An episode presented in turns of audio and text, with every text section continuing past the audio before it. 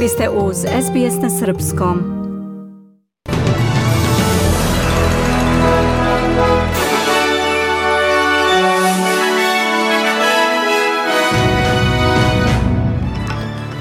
Albaneze položio zakletvu i otputovao u Japan kao novi premijer. Za Srbiju postoji samo izbor između zapada i istoka, poručio američki ambasador Hill. Zapadni Balkan pripada Evropi, kaže nemački kancelar Scholz.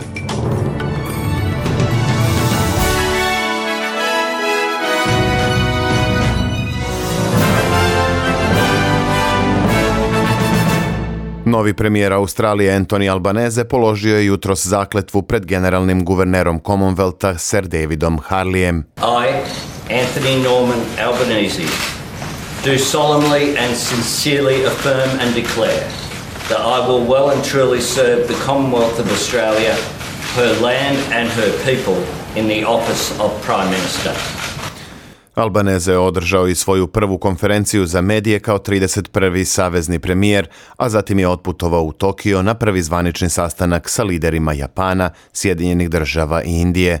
Albaneze je rekao da je već stupio u kontakt i sa crossbencherima u parlamentu, pošto je i dalje neizvesno da li će laburisti moći da formiraju većinu u predstavničkom domu ili će im biti potrebna podrška nekog od nezavisnih kandidata ili manje partije. Ipak Albaneze kaže da njegova partija očekuje da će imati većinu u donjem domu.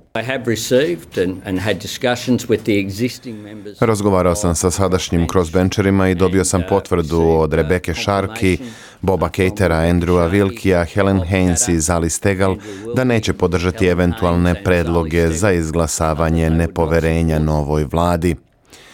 Premijer je govorio i o prioritetima buduće vlade, uključujući politiku klimatskih promjena, Saveznu komisiju za integritet i njegovo nastojanje da ujedini Australijance. Uh,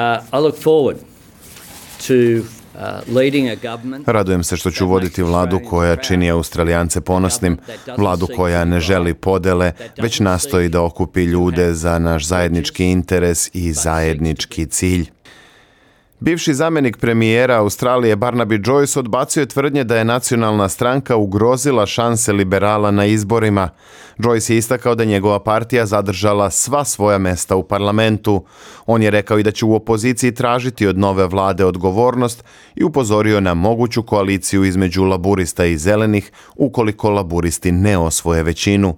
Na pitanje da li će se njegova stranka oglasiti povodom učinka koalicije na izborima, Joyce je rekao da je to stvar liberala.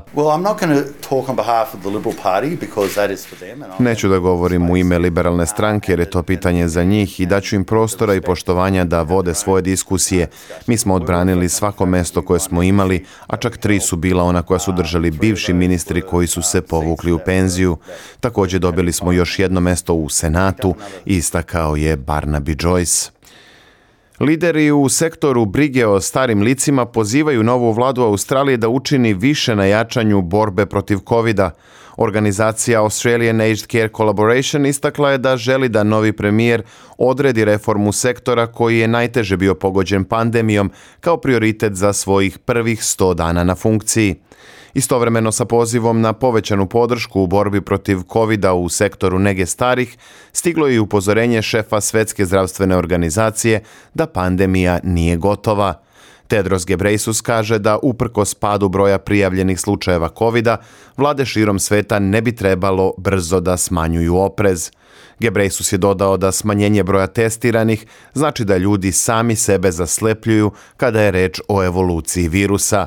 Također iz Svetske zdravstvene organizacije kažu da očekuju porast broja slučajeva majmunskih boginja širom sveta. Prelazimo na vesti iz Srbije i sveta. Ukrajinski predsjednik Vladimir Zelenski kaže da će intenziviranje vojne ofanzive Rusije dovesti do daljeg gubitka života. Prema izveštajima pojačani su artiljerijski i raketni napadi u regionu Donbasa u nastojanju da se prošire teritorije pod kontrolom proruskih separatista. Ukrajinski parlament je izglasao produženje vanrednog stanja i mobilizacije za još tri meseca.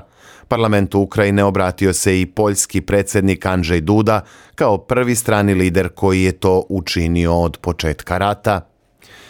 Za Srbiju nema trećeg puta, već samo izbor između istoka i zapada izjavio je u intervjuu za politiku američki ambasador Christopher Hill uoči današnjeg sastanka s predsjednikom Srbije Aleksandrom Vučićem. Za razliku od prošlosti kad se u Srbiji mislilo da postoji treći put, da Srbija nije ni istok ni zapad, da je nekako posebna i da ide svojim putem, sad većina Srba misli da postoje pravi i pogrešan put. I oni žele da izaberu pravi put. U životu morate da pravite izbore i ovo je takav trenutak. Postoji samo jedan put, a to je zapad, to je Evropska unija, rekao je Hill. Izjavu američkog ambasadora analitičari stavljaju u kontekst rata u Ukrajini i poruke čitaju kao naglašeno angažovanje Vašingtona. Nekadašnji srpski diplomata Zoran Milivojević kaže za RTS da još veću dinamiku prema celom regionu, a posebno prema Srbiji, očekuje od juna na kraju francuskog predsedavanja Evropskom unijom. Ostaje pritisak da se priključimo sankcijama Rusiji, da se na taj način kvalifikujemo, rekao bih, za narednu fazu da nam eventualno po tom osnovu otvore e, klaster u junu e, i, to, i na toj liniji treba razumeti i ove sve posete i delovanja koje smo imali, ali i ono što nas čeka u narednom periodu. Američki ambasador Hill se osvrnuo i na energetsku politiku Srbije. On smatra da nije u srpskom interesu da bude toliko energetski zavisna od Rusije. Zoran Milivojević međutim smatra da Srbija ipak neće dovesti u pitanje odnose s Rusijom. Bez obzira šta ko misli, bez obzira na pritiske vezano i za sankcije i za naše odnose sa, sa Rusijom i drugim zemljama, naš glavni motiv u našem ponašanju je državni i nacionalni interes. Gas je jedan od tih interesa i drugi ključan interes i najvažnije Kosovo i Metohija po kojoj ceni će Srbija od 1. juna kupovati gas od Rusije i koje će količine biti u pitanju, više će se znati sredinom nedelje posle telefonskog razgovora predsjednika Srbije i Rusije Vučića i Putina. Aktuelni desetogodišnji aranžman po ceni od 270 dolara za 1000 kubika ističe 31. maja.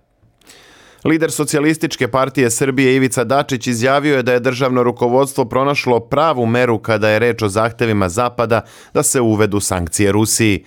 Dačić je na televiziji Pink rekao da se vrši veliki pritisak na predsjednika Srbije, dodajući da je državno rukovodstvo na sednici Saveta za nacionalnu bezbednost donelo zaključke vodeći se interesima Srbije. Srbija je osudila akt kršenja teritorijalnog integriteta Ukrajine, ali nije uvela restriktivne mere Moskvi, podsjetio je Dačić. Prema njegovim rečima, prioriteti Srbije su članstvo u Evropskoj uniji i zaštita teritorijalnog integriteta.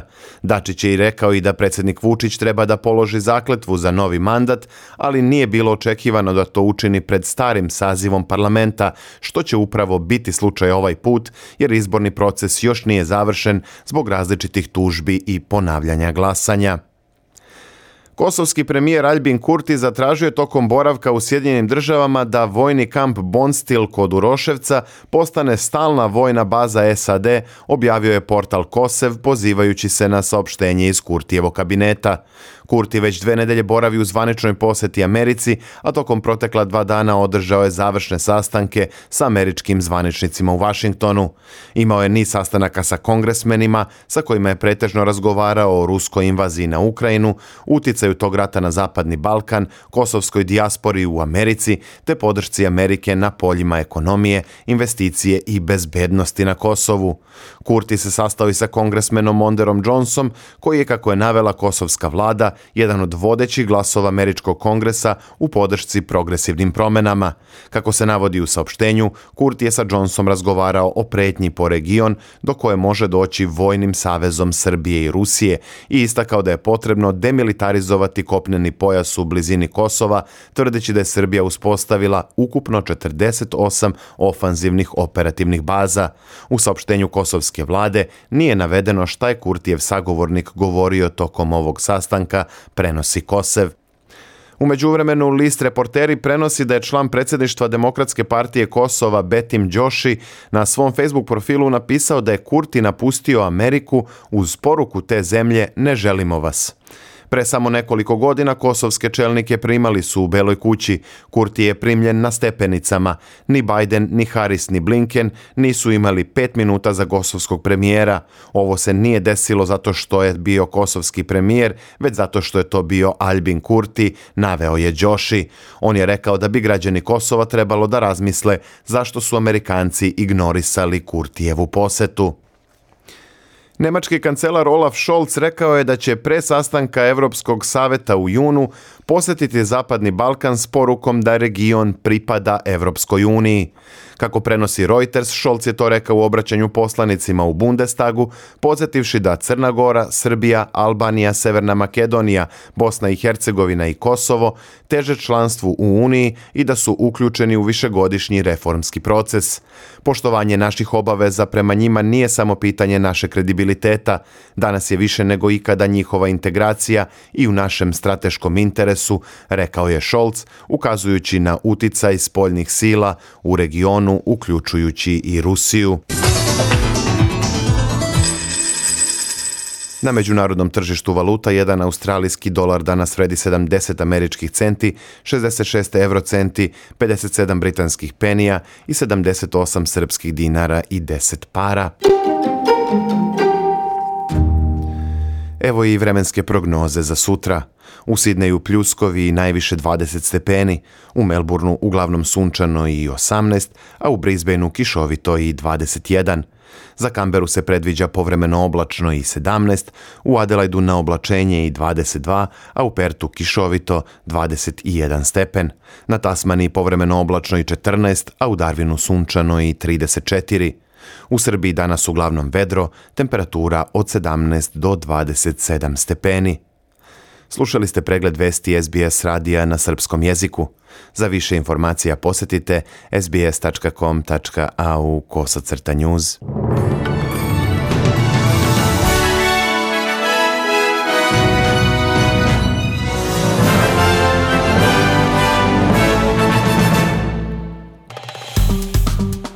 Dajte like, podelite, komentarišite. Pratite SBS Serbian Facebook profil.